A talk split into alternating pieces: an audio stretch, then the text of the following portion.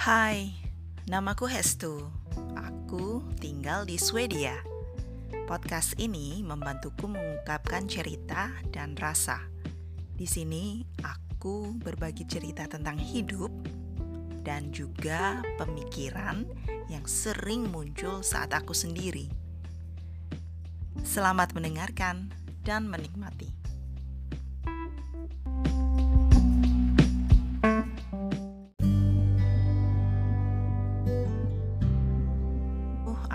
Dan suami dikaruniai seorang anak laki-laki yang bernama Edgar.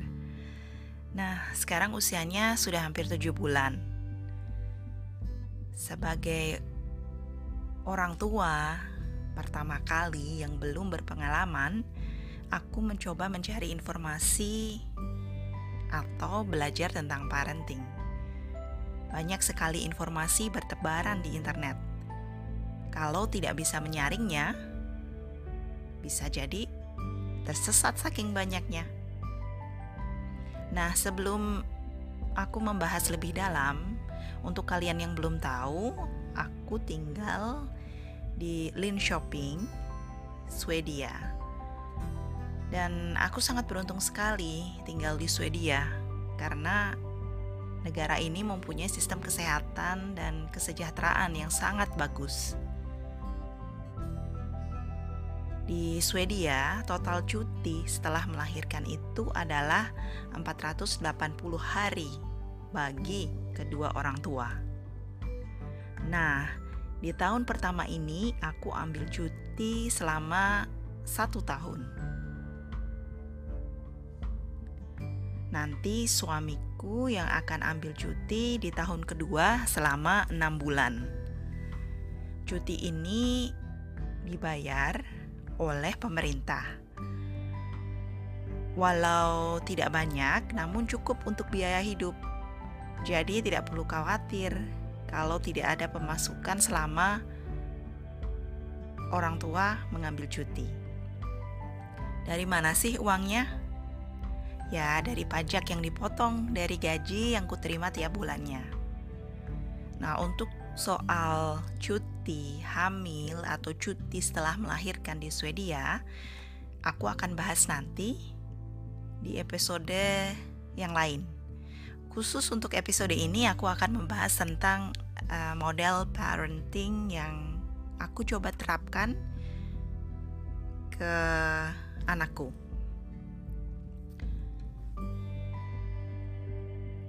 Sebagai orang tua baru, tentu saja aku ingin mencari berbagai informasi tentang bagaimana mendidik anak atau bahasa kerennya parenting. Dari berbagai informasi yang kubaca, salah satu model parenting yang aku coba ikuti adalah REA Parenting, RIE Parenting atau Resources for Infant Educators atau lebih banyak disebut dengan respectful parenting. Nah, sebelum ku bahas lebih dalam, aku ingin informasikan kalau apa yang aku ceritakan ini hanya berbagi saja ya. Mengenai model parenting, tiap keluarga mungkin berbeda. Jadi, silahkan sesuaikan dengan model keluarga kalian sendiri.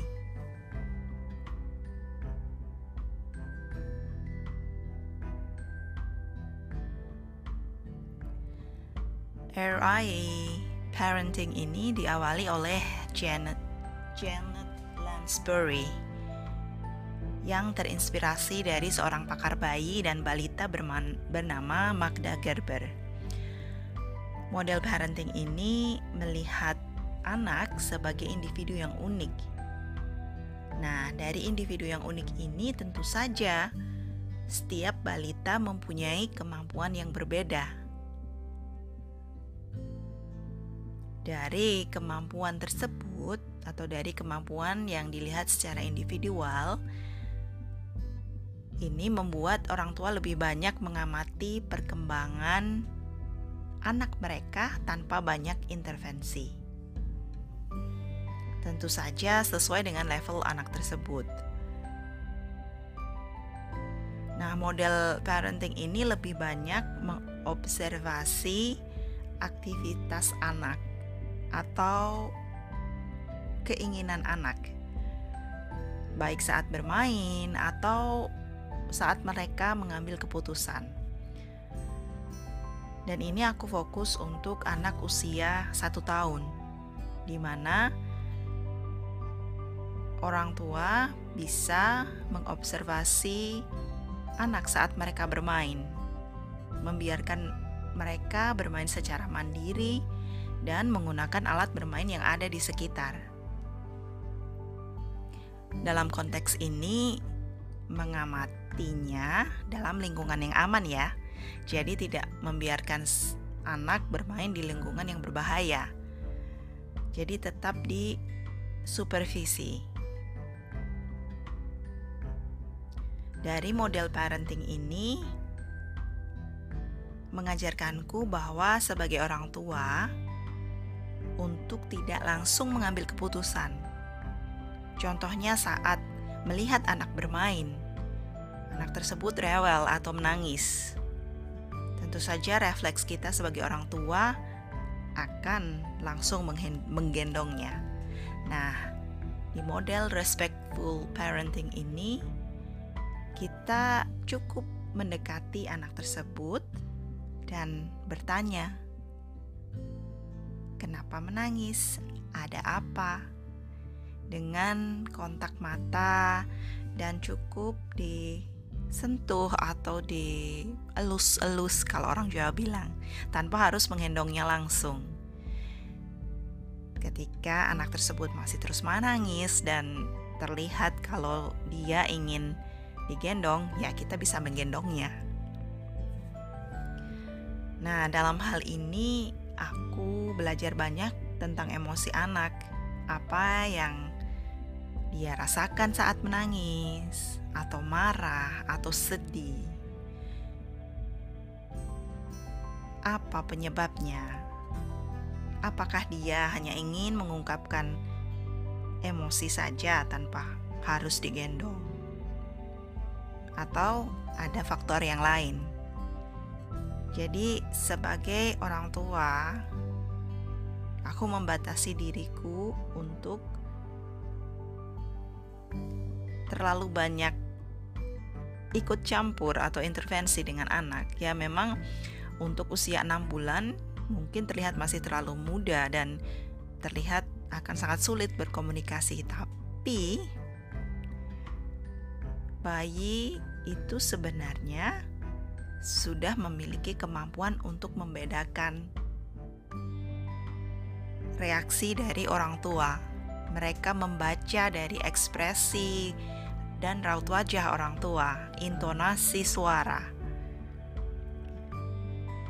Bedanya dengan bayi yang sudah di atas usia satu tahun, bayi di bawah satu tahun hanya bisa menangis atau teriak karena itulah bahasa mereka. Sebagai orang tua, aktif bertanya dan memberi sentuhan akan memberikan rasa aman. Nah, dari rasa aman ini akan tumbuh rasa dari anak tersebut. Ketika orang tua aktif, untuk melibatkan anak dengan bertanya, "Apa kabar? Bagaimana perasaanmu? Ada yang bisa dibantu? Apakah mau dipeluk?" dan lain sebagainya. Ini akan meningkatkan rasa nyaman, dan rasa nyaman tersebut sangat penting ditumbuhkan saat anak-anak masih bayi, masih usia dini. Nah, dari sinilah aku rasa bahwa model parenting ini cocok nih untuk uh, model atau konsep keluarga yang aku dan suamiku bina. Walaupun aku tidak uh, hanya fokus dalam satu parenting saja, masih aku combine atau aku padu padankan dengan model parenting yang lain jadi lebih fleksibel gitu nah inti dari ya, begitulah inti dari model uh, respectful parenting ini dari model ini aku berusaha untuk tidak memberikan banyak mainan kepada anak.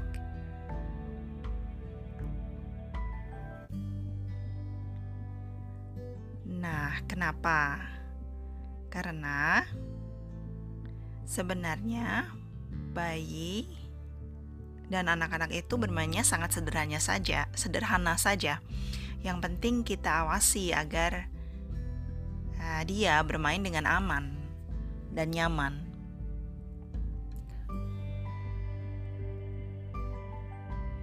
Contohnya kalau dia sedang bermain dengan kaleng plastik atau peralatan dapur, tentu saja yang aman ya. Biarkan dia bermain dengan itu. Amati apa yang dia lakukan dengan kaleng tersebut. Walau terlihat dan terdengar membosankan, ini akan mengenalkan orang tua tentang bagaimana cara bermain anak dan memberi kesempatan kepada anak untuk bisa mengeksplorasi lebih dalam mainan tersebut. Nah, kalau menurutku, kalau terlalu banyak mainan, nanti akan terlalu berlebihan sehingga kurang fokus. Sedangkan kalau sedikit, durasi main jadi lebih lama dan lebih fokus. Tapi kembali lagi, ini sesuai dengan kebutuhan keluarga kalian. Selain alasan aku tidak mempunyai banyak mainan karena apartemen kami masih kecil, jadi tidak ada ruangan lagi. Selain itu, kami sering mengajak keluar anak, jadi ya tidak perlu banyak mainan. Biarkan dia eksplorasi apa yang ada di luar. Ketika kami mengunjungi perpustakaan atau mengunjungi uh, alam atau hutan kecil yang sudah tersedia di lingkungan sekitar kami. Itu kalau kami sedang bosen di rumah. Jadi kalau membiarkan anak bermain di luar akan meningkatkan kemampuan motorik anak dan juga kemampuan mereka untuk melihat atau mendengarkan kemampuan sensorik mereka di luar ruangan. Kalau cuaca tidak mendukung, ya kami pergi ke perpustakaan. Seperti biasa, dia bisa bermain sendiri dan aku mengamati. Aku akan bantu kalau benar-benar dibutuhkan. Biasanya sih kalau udah agak rewel atau udah capek, ingin tidur atau ingin minum. Nah, model mainan ini kalau dalam bahasa Inggris biasa disebut self-directed play. Self-directed play atau bermain secara mandiri memberikan kesempatan agar anak dapat bermain secara aktif anak bermain sendiri sesuai dengan ketertarikan mereka. Di sini orang dewasa hanya mengawasi tanpa mempengaruhi permainan tersebut. Sehingga anak akan menemukan hasil permainannya sendiri. Jadi, ini akan meningkatkan kreativitas dan kemampuan menyelesaikan masalah. Tentu saja sesuai dengan level dan usia anak tersebut.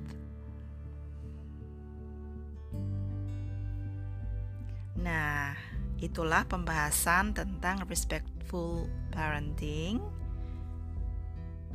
atau yang sering disebut dengan resources for infant educators parenting atau RIE parenting.